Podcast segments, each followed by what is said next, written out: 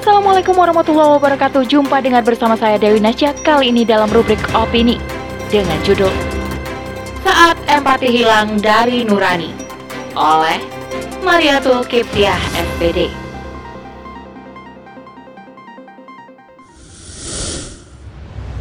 Sistem kapitalisme ini akan memunculkan sikap individualis pada manusia. Mereka hanya memikirkan kepentingan sendiri dan tidak peduli pada orang lain. Selengkapnya, tetap di podcast Narasi Pos Media. Narasi Pos, cerdas dalam literasi media, bijak menangkap peristiwa kunci. Menjelang hari raya, masyarakat sibuk berbenah. Mereka ingin rumah mereka tampil menawan, termasuk para anggota dewan. Maka, gorden yang mereka anggap usang karena telah 13 tahun tidak diganti akan segera dibuang diganti gorden mewah dan mahal. Maka, anggaran pun diajukan. Anggaran yang dirancang pun tidak tanggung-tanggung. Maka disiapkanlah dana sebesar 48,7 miliar rupiah untuk mengganti gorden di 505 unit rumah dinas mereka. Itu berarti tiap rumah mendapatkan dana sebesar 96 juta. Dana itu akan diambilkan dari APBN 2022. Tentu, hal mengundang reaksi masyarakat. Salah satunya adalah Egi Primayoga. Peneliti Indonesia Corruption Watch atau ICW ini menganggap anggaran itu tidak masuk akal. Berdasarkan perhitungannya, dana sebesar 20,2 miliar sudah cukup untuk mengganti gorden lama dengan gorden paling mahal. Di saat yang bersamaan, banyak rakyat yang mengalami kesulitan hidup. Jangankan mengganti gorden rumah, untuk makan saja mereka kesulitan Bahkan, banyak di antara mereka yang tidak memiliki tempat tinggal sendiri. Jikapun punya, banyak yang tidak layak dihuni. Berdasarkan catatan dari Kementerian Pekerjaan Umum dan Perumahan Rakyat atau PUPR, hingga Agustus 2021, masih ada 29,45 juta rumah di Indonesia yang tidak layak huni. Perilaku para wakil rakyat itu menunjukkan bahwa mereka telah kehilangan rasa empati pada penderitaan rakyat.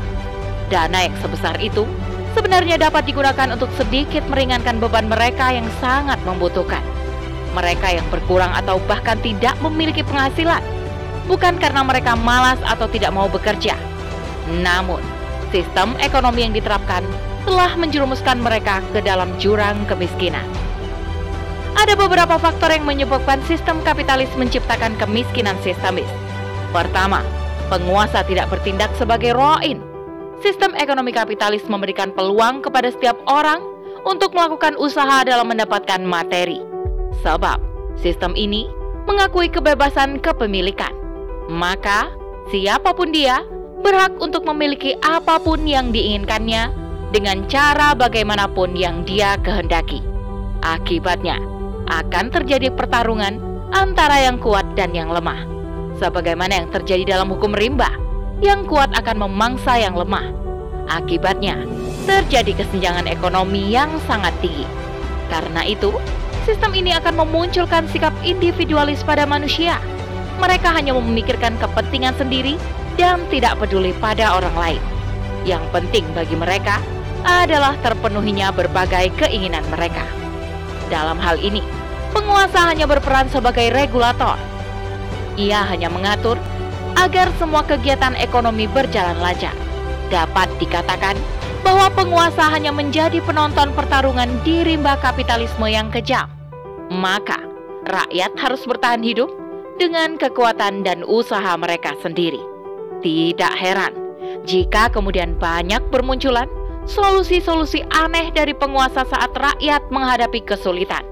Ketika harga daging naik, rakyat diminta untuk makan siput saat harga minyak goreng naik, rakyat dianjurkan untuk merebus saja makanan yang hendak mereka konsumsi. Dan yang terbaru, ketika Pertamax naik, rakyat diminta jalan kaki atau naik sepeda ontel. Semua solusi itu menunjukkan bahwa mereka telah melepaskan tanggung jawab sebagai pihak yang seharusnya mengurusi rakyat. Kedua, sistem ekonomi kapitalis berbasis ekonomi non-real. Karena itu, dalam negara yang menerapkan sistem ini, usaha berbasis riba berkembang dengan pesat. Bank konvensional banyak bermunculan, begitu pula dengan pinjaman-pinjaman riba lainnya. Sementara itu, ekonomi yang real akan macet. Ketiga, korupsi yang tinggi. Kapitalisme akan menyebabkan tingginya korupsi. Untuk menjadi penguasa, seseorang membutuhkan dana yang sangat besar, mulai dari biaya pendaftaran, ongkos kampanye, dan sebagainya. Dana yang besar itu mereka dapatkan dari para pengusaha yang mendukung mereka. Ketika mereka telah menduduki jabatan, mereka akan melakukan berbagai cara, termasuk korupsi, untuk mengembalikan modal mereka. Di negara-negara yang menerapkan sistem kapitalis, semua ini jamak terjadi, termasuk di negara Paman Sam Amerika Serikat. Meskipun negara ini tampak makmur, tetapi banyak rakyatnya yang miskin. Badan Sensus Amerika Serikat menyatakan bahwa ada 27 juta orang dewasa yang mengaku bahwa terkadang mereka kekurangan bahan pangan dalam sepekan. Kesenjangan ekonomi di sana juga sangat lebar. Pandemi akibat COVID-19 semakin memperlebar jurang antara si miskin dan si kaya. Apa yang terjadi saat ini tidak akan muncul ketika Islam diterapkan. Sistem Islam menjamin hak setiap warga negaranya, baik Muslim maupun non-Muslim baik berupa kebutuhan primer, sekunder, maupun tersier. Sebab negara bertindak sebagai roid yang akan mengurusi seluruh kepentingan warga negaranya.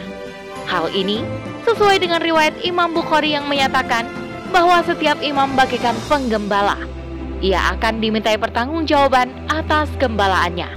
Karena itu, pemimpin yang memahami hal ini tidak akan memperkaya diri dan keluarganya, Justru sebaliknya, seperti yang dilakukan oleh Khalifah Umar bin Abdul Aziz. Saat diangkat menjadi khalifah, beliau mengembalikan seluruh hartanya serta harta istrinya ke Baitul Mal. Kemudian, mereka tinggal di rumah sederhana yang dibangun dari uang pribadi. Di samping itu, sistem Islam juga menciptakan pribadi-pribadi yang peduli pada orang lain. Kewajiban membayar zakat merupakan salah satu mekanisme yang memunculkan sikap peduli itu. Di samping membayar zakat, mereka juga dianjurkan untuk memberi sedekah kepada mereka yang membutuhkan. Salah satunya disampaikan oleh Rasulullah SAW dalam hadis yang diriwayatkan oleh Imam Tabroni. Beliau bersabda, "Tidaklah beriman kepadaku orang yang tidur dalam keadaan kenyang, sedangkan tetangganya kelaparan hingga ke lambungnya, padahal ia mengetahuinya." Demikianlah penerapan sistem Islam akan menciptakan pribadi yang memiliki empati pada kesulitan yang dihadapi oleh orang lain. Inilah sistem hidup yang seharusnya kita terapkan. Bukan sistem yang hanya mementingkan kepentingan sendiri seperti yang diterapkan saat ini. Wallahu a'lam bishawab. Demikian rubrik opini kali ini. Sampai bertemu dalam rubrik opini selanjutnya. Saya Dewi Nasya kundur diri. Assalamualaikum warahmatullahi wabarakatuh.